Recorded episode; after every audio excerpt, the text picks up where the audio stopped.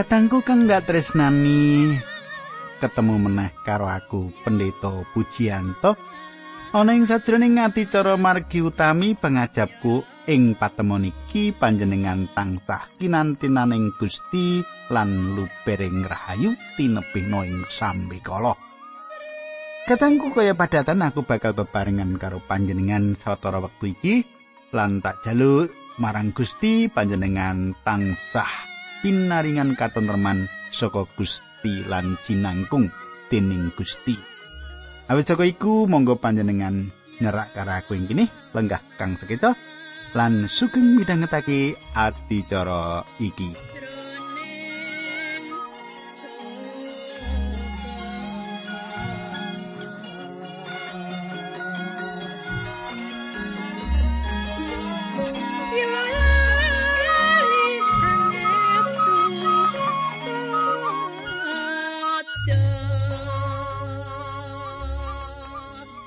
Katanggu kang dak tresnani kepungkur ing biaran kepungkur ing patemon kita kepungkur kita wis ninau papungkasaning jaman kaya sing digendikake dening Gusti Yesus.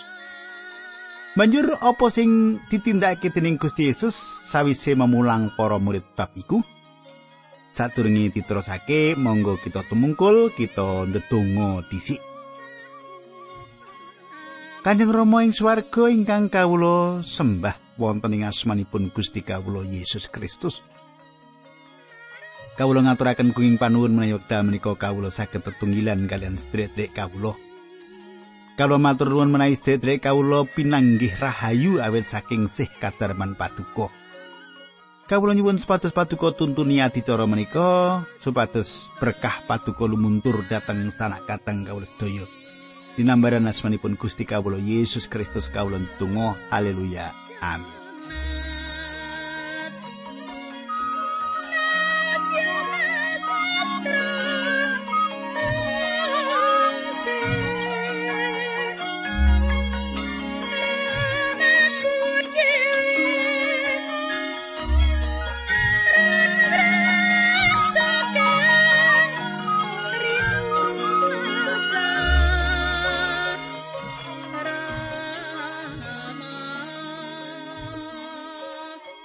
Katanggu kang dak tresnani saiki panjenengan buka ing Injil Lukas pasal 22. Injil Lukas pasal 22 kawiwitan saka ayat sepisanan lan tak terus ayat loro. Saiki ing basa pedinan macaku ing basa pedinan mengkini surasani. Nalika semono lagi ngarepake riyaya pesta roti tanpa ragi ya kuwi sing disebut Paskah. Para pangareping imam lan para ahli Taurat lagi padha golek reka kepriye bisa nyedani Gusti Yesus sebab wong-wong mau padha wedi karo rakyat. Semene dhisik rong ayat iki katangku nek nyemak apa sing dingendikake saka Lukas 12 loro iki Gusti Yesus wis rawuh ana ing kutha Yerusalem. Gusti Yesus wis rawuh ana ing kutha Yerusalem. Enam wulan kepungkur nalika panjenengane isih ana Kaisiria Filipi. Wis ngendika perkara iki lan kanthi mantep panjenengane bakal ngadepi sedone ing Yerusalem. Mula wiwit saka iku tindake Gusti Yesus terus tumuju lan sangsaya nyedhaki kutha Yerusalem. Kabeh sing wujud kamulyaning puntuk ing pakaryane Gusti Yesus wis mungkur lan saiki arep ngriyayakake dinane Paskah.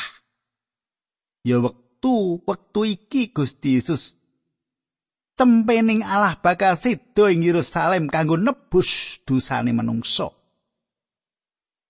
Para pemimpin agama satemene wis greget-greget kepengin ninggal ngringkus Gusti Yesus.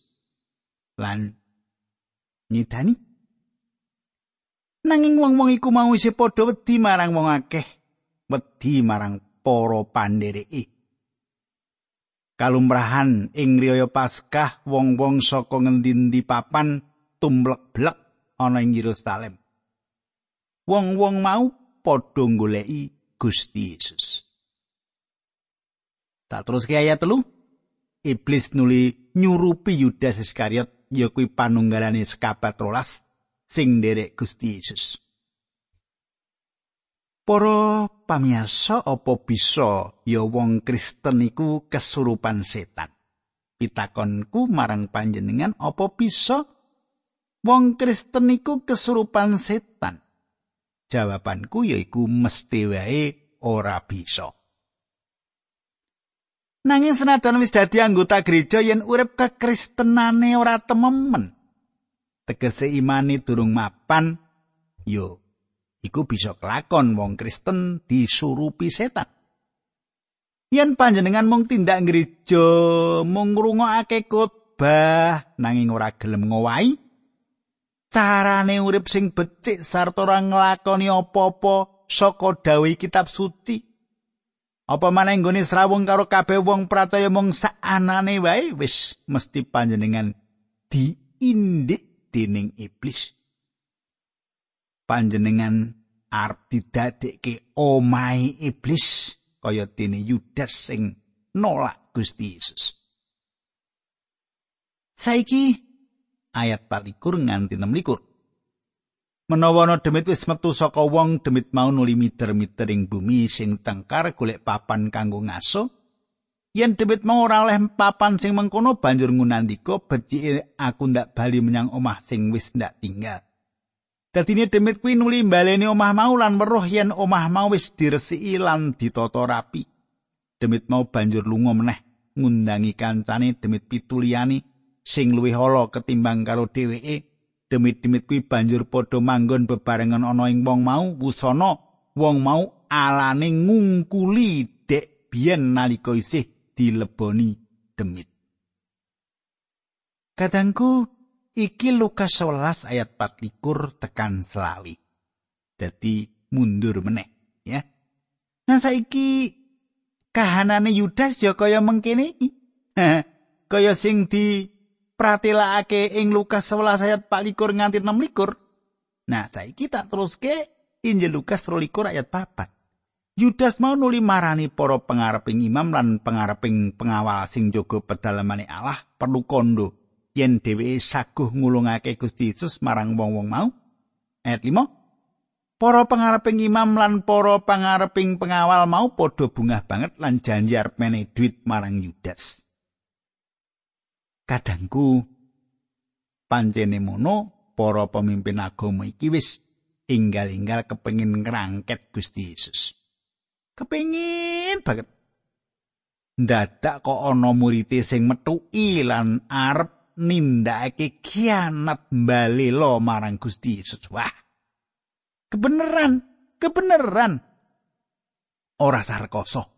Ana sing iso dadi srana kanggo nyekel Gusti Yesus. Ayat 6. Yudas nyagui lan wiwit nalika semono Yudas golek reka bisane ngulungake Gusti Yesus marang wong-wong mau tanpa diweruhi dening wong akeh. Kadangku rancangane Yudas arep masrahake Gusti Yesus ora kanthi rame-rame nanging kanthi sesideman. Yudas duwe pangrantam sawijining tumindak sok yen wis mateng arep dilaporake marang para pemimpin agama iki. Bab iku ora bakal kelakon sebab Gusti Yesus ngersakake orang nganggo cara ngono kuwi. Mula ngendikane marang Yudas nalika iku ngene, wis keinggal tindak nopo sing kok rantam. Lan Yudas murid sing ora setya iku banjur inggal tumindak. Saiki ayat pitulan wolu teko ayat 14 mengkini surasani. Bareng wis tekan dinane raya pesta roti tanpa ragi ya kuwi dinane wong padha nyembelih tempe kanggo raya Paskah. Gusti Yesus nuli ngutus Petrus lan Yohanes didawi mengkini. Padha mangkato nyawisno ubo rampene Paskah sing bakal padha kita pangan. Ature Petrus lan Yohanes mau panjenengan ngersakaken dahar Paskah wonten ing pundi? pangandikane Gusti Yesus rungokno yen kowe mlebu ana ing kutha Yerusalem kowe bakal kepethuk karo wong sing lagi nggawa kendisi banyu wong kuwi tutno tekan omah sing dileboni Banjur konduwa karo sing duwe omah kuwi guru ndangu ana ing ngendi nggone para sekabat kulan aku mangan Paskah. Sing duwe omah mau nuli nuduhake kamar gedhe ana ing loteng sing wis pepak seprabote pisan. Padha cawisna ubo rampening Paskah kabeh ana ing kono. Sekabat loro mau padha mangkat sarta kabeh tinemu ceples kaya sing dingendikake dening Gusti Yesus. Sekabat loro mau nuli padha nyawisake ubo rampene Paskah ana ing kono. Bareng wis tekan wektune dahar Paskah Gusti Yesus nuli lenggah awor karo para sekabati. Kadangku, wektu iki Gusti Yesus lagi nganakake bujana suci. Yudas ana ing kono melu bujana. Ayat 15. Panjenengane nuli ngendika marang para sekabat mau, aku kepengin mangan Paskah iki bebarengan karo kowe sadurunge aku nandang sengsara. Tak teruske ayat 16 nganti 18. Sebab ngertiyo aku bakal ora dahar Paskah meneh nganti apa sing dibarake dening Paskah iki kalaksanan. Ya kuwi yen kratone Allah wis tumapak. Sawise kuwi Gusti Yesus tuli ngangkat tuwung anggur sarta saus panuwun marang Gusti Allah banjur ngendika, "Tuwung iki tampanono lan padha ngombe." Sebab kowe ndak kandhani wiwit saiki iki aku bakal ora ngombe anggur meneh nganti kratone Allah kebabar. Kadangku kang dak tresnani bujana suci. Tuwung sing isi anggur kanggo bujana suci iku siji mboko siji para murid necep anggur lan tuwung mau mubeng pindah murid liyane genti genten nganti tuwunge bali meneh ing astane Gusti Yesus iki tuwung kabejan tuwung sukarno lan ing pamentangan Gusti Yesus uga nampi anggur kecut wis diperem urupe geni riyaya Paskah sing wis meh sirep dikipasi Gusti Yesus nganti urupe tambah gedhe. Dadi pesta anyar riyaya anyar sing wujud bujana suci. Saiki Lukas 12 ayat 19 nganti 20. Sawise mengkono Gusti Yesus nuli mundut roti banjur saus panuwun marang Gusti Allah. Roti mau nuli dicuwil-cuwil lan diparingake marang para sekabat pangandikani. iki badanku sing kaparingake kanggo kowe iki tindakno minangka pangiling-iling marang aku mengkono uga sawise dahar panjenengane maringake tuwung anggur kuwi marang para sekabate sarta ngendika tuwung iki perjanjian Gusti Allah sing anyar sing diresmekake srana getihku ya kuwi getih sing diwutahake kanggo kowe Katangku kang ndak tresnani Gusti Yesus ngagem conto sing sipate ringkih kanggo nglambangake sarirani. Getih lan daginge piyambak kanthi anggur lan roti. Karo-karone iki gampang rusak, iki dasar sing wis diajarake dening Gusti Yesus. Ora saka tembaga utawa watu marmer, nanging apa sing ringkih, sing saknyatane gampang rusak. Gusti Yesus ngendika yen anggur iki lambang erai lan roti iku lambang sarirani dagingi. Roti lambang sarirani Kristus. Gampang remuk nanging ora ana siji wae balunge sing tugel apa maneh remuk. Sarirane sing risak jalaran dosa-dosane manungsa. Wis pirang-pirang abad riyaya Paskah nggambarake bakar rawi lan sedani Gusti Yesus. Gusti Yesus wis wiwit kagepok wayangane pamenangan. Iki paskah sing pungkasan riyaya sing wis dijangkepi panjenengani. Kaya ing meja bujana suci kita padha sidem ngenam-namati ngeduwungi sakabehing dosa ing ngarsani Gusti Yesus kita ngelingi salib sing wis merdikake kita saka dosa lan kanthi dodo sing munga nungsung rawe meneh sang juru wilujeng coba kita gathokake kita sambungake ing siji Korinta 11 ayat 6 mengkene surasane. Sebab saben saben kue padha mangan roti lan ngombe saka ing tuwung iki, kue padha martakake sedani Gusti nganti panjenengane rawuh meneh. Saiki Lukas 2 ayat 21 nanging delengen wong sing ngulungake aku saiki ana ing kene lungguh dadi sak meja karo aku. Para pamirsa, wong-wong sing bakal mbalilo bakal kianat marang Gusti Yesus iku ana tengah-tengahi para pandhereke. Upamane ana panemu yen Yudas ora nderek bujana suci ing bengi iku sajake klebu nalat. Pancen Lukas ora nulis kanthi rinci bab iku mung bukti-bukti sing perlu kanggo kita wae. Ing Injil Yohanes pasal 16 ayat 13 nganti 31 meratelake yen Gusti nuli ngasta tuwung iku diwenehake marang Yudas lan ngendika, "Apa sing kepengin kok tindake inggal lakonono?" Nuli klepat Yudas ninggalake bujana mau. Saiki Lukas 12 ayat 13 nganti 13. Mengkene surasane putrane menungsa pancen pinesi sedo kaya sing wis ditemtokake dening Gusti Allah. Nanging cilaka wong sing ngulungake panjenengane para sekabat nuli padha takon tinakon sapa sing arep ngulungake Gusti Yesus? Katangku para murid padha nglenggono yen ora teguh imane bisa wae padha kianat selak marang Gusti Yesus. Semono kita. Kita bisa wae dadi wong murtad yen enggon kita gondelan Gusti Yesus ora bakoh lan kukuh. Kala-kala mung 5 atau 10 menit wae ing urip kita wis murtad. Wis mbalilo marang Gusti Yesus, wis nyingkur Gusti Yesus. Pinuji asmani. Astane ora tau ngecolake kita. Kita terus dikanti kanthi sabar dening panjenengani. Haleluya. Saiki Lukas bab 12 ayat 24. Kacrita para sekabat padha bantah-bantahan bab sapa sing dianggep pinunjul dhewe. Kadangku para murid iki wis kenal lan hormat marang Gusti Yesus nanging isi ana sing duweni ambisi, pepinginan, kepingin dianggep paling gede, kepingin dianggep paling hebat. Panjenengan bisa nggambarake kahanan iki? Coba kok iya tegal-tegeli. Ing wewayangane salib isih kober-koberi rebutan pangkat. Lan kalungguhan. Ing jaman saiki bisa wae kedadian ana ing gereja kita kaya mengkono unggul-unggulan. Saiki Lukas 12 ayat selawe nganti 17. Gusti Yesus nuli ngendika marang para segabat mau ratu-ratu ing donya kene padha ngreh rakyat lan para panguwasa mau disebut pangayomaning rakyat. Nanging munggo ing kowe aja kaya mengkono malah kosok baline wong sing pinunjul dhewe ing antaramu kuwi dadi sing asor dhewe lan sing dadi pengarep kuwi dadi kaya batur. Sopo sing luwih kajen sing lungguh mangan ana ing meja apa sing ladeni dheweke mesti wae sing lungguh mau nanging ana ing antaramu aku iki kaya batur. Sumitraku Gusti Yesus ngendika marang para murid sing wose Gusti Yesus piyambak mundut kalenggan sing paling asor.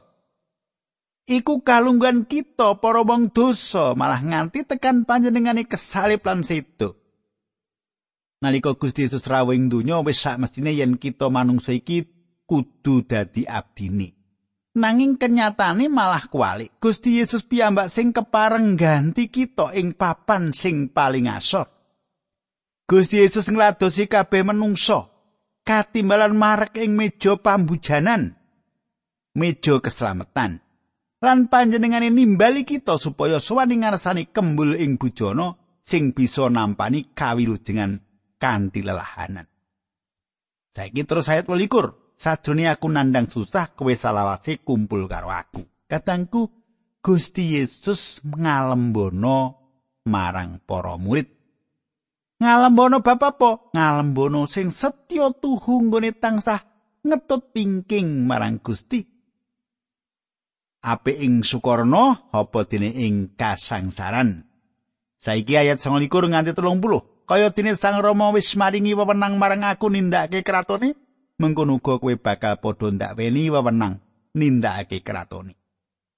Kowe bakal melu mangan lan ngombe karo aku ana ing kratonku lan kowe bakal padha lungguh ana ing damparing kraton mau ngadili talare bangsa Israel rolas Kadangku nggone saka setya marang gurune ora salah panemu kita yen mengkono para murid bakal keparingan panggonan sing istimewa ing kratone swarga. Para murid iki miwiti jangkah saka perjanjian lawas nuli mlebu ing pucuk ing perjanjian anyar. Para murid kaya dene titian sing gandeng perjanjian lawas lan perjanjian anyar. Upama kudu nganggo duit jasa kudune para murid iki etuk jasa sing banget akeh Mesti ing mengkone para murid iki bakal lenggah ing sacedhake Gusti Yesus nyepeng pusarane kraton swarga. Para putrane Allah wis samesine padha entuk papan sing utama ing kratone Allah jalaran saka sih palimirmane Gusti. Kawilujengan ora perlu diburu nanging kanthi tanganan ati sing kabuka Allah bakal maringake kanthi lelahanan. Kaparingake jalaran sih ramate Allah marang kita. Sing perlu kita eling-eling, Allah bakal mbiji sekabehe pakarti kita. Enggon kita nderek lelados kagem panjenengani, sang saya gedhe kastian kita, sang saya utama papan kita ing kono ing sacedhake Rama kita. Sawise kita diwilujengake kita kepengin ngaturake bakat lan keterampilan kita katur marang Allah. Apa wae sing bisa kaaturake, diaturake wae kagem Allah. Ora ketang bakat lan keterampilan iku ora mingsro, nanging Allah bakal nampa ada dasar katemenan kita. cara lan pakarti urip kita tansah digatekake dening Allah. Saiki kita terus ke Lukas 21 ayat 31 nganti 32. Simon Simon rungokno, iblis diparengake Gusti Allah netel percayamu kabeh. Kaya wong tani nggone nginteri gandumi dipisahake saka merambuti. Nanging kowe wis ndak dongake supaya percayamu aja semplah Lan yen kowe wis mertobat bali marang aku meneh kowe kudu genti nguwatake percayane sedulur-sedulurmu. Kadangku tembung mertobat ing kene dudu mertobat saka ora percaya dadi percaya marang Kristus. Tembung mertobat ing kene ngandut teges owah-owahane pikir, ati lan iman sing sangsaya ndadekake sentosa kapiyandelene marang Allah. Lan kanthi mengkono Petrus bisa nguwatake sedulur-sedulur sing ringkih kapercayani. Gusti Yesus pirsa yen Petrus bakal nyingkur imane. Mulane Gusti Yesus ngendika, "Nanging kowe wis ndak dongakake supaya percayamu aja semplah." Katengku, Gusti Yesus iku juru syafaat kita. Tansah ndongakake kita. Nalika kita nuju marang pacoban sing ora kita sadari, Gusti Yesus ndongakake kita. Panjenengan bisa wae gawe cuwo penggali Gusti Yesus. Nanging panjenengan pancen kagungane Allah. Panjenengan ora bakal mingser iman lan kapercayan panjenengan marang Kristus. Yo jalaran pandungane Gusti Yesus, iman kita isi jejeg, anteng kaya sing kita rasakake iki. Katresnane Allah marang kita tan kena kinaya ngopo? hebat katresnani. Kadangku ing Injil Yohanes katulis mengkini. Yohanes pitulas ayat songo. Kawula ndongaaken tiang-tiang menika, kawula mboten ndongaaken jagat. Kawula namung ndongaaken kangge tiang-tiang ingkang sampun paduka paringaken dhateng kawula kemawon, sebab tiang-tiang menika kagungan paduka. Katangku ing wusanane senadan tau gagal. Petrus bisa mitulungi sedulur sapatunggilan. sing tau diuji lan tetep tanggon nggone gondelan imane iku sing bisa tetulung marang liyan. Mula yen ana pacoban gedhe ing gesang panjenengan, eling panjenengan bakal dadi dalane berkah kanggo sedulur liyane. Panjenengan kudu percaya iki.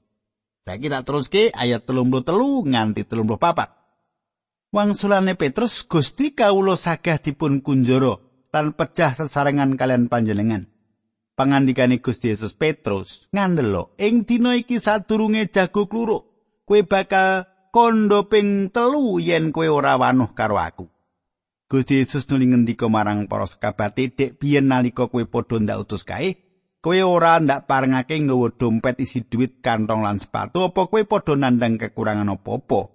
Uang sing padha didangu mboten mboten kekirangan menapa-menapa pangandikane Gusti Yesus. Nanging saiki sing duwe dompet utawa kantong kudu digawa lan sing ora duwe pedang kudu ngedol jubahe kanggo tuku pedang. Sebab ngandelo tulisan ing kitab suci panjenengane bakal dianggep drujana tulisan kuwi bakal kelakon tumrap awakku lan apa sing katulis mau saiki kelakon temenan kadangku Petrus pancen kepengin nindakake janjine ngarsane Gustine nanging Petrus ora kenal marang diri pribadine nalika semono nalika Gusti Yesus wis diadili Petrus ditakoni karo abdi Petrus ngaku ora kenal marang Gusti lan gurune.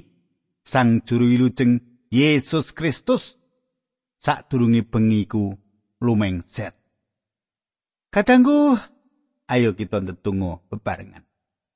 Duh Kanjeng Rama ing swarga kawula ngaturaken gunging panuwun menawi wekdal menika kawula saged tetunggilan. Kawula saged nampi berkah paduka wujud pangandikan paduka. Kintenipun pangandikan paduka menika dados kegiatan sedherek kawula. Linambaran asmanipun Gusti Yesus Kristus kawula tunggu haleluya. Amin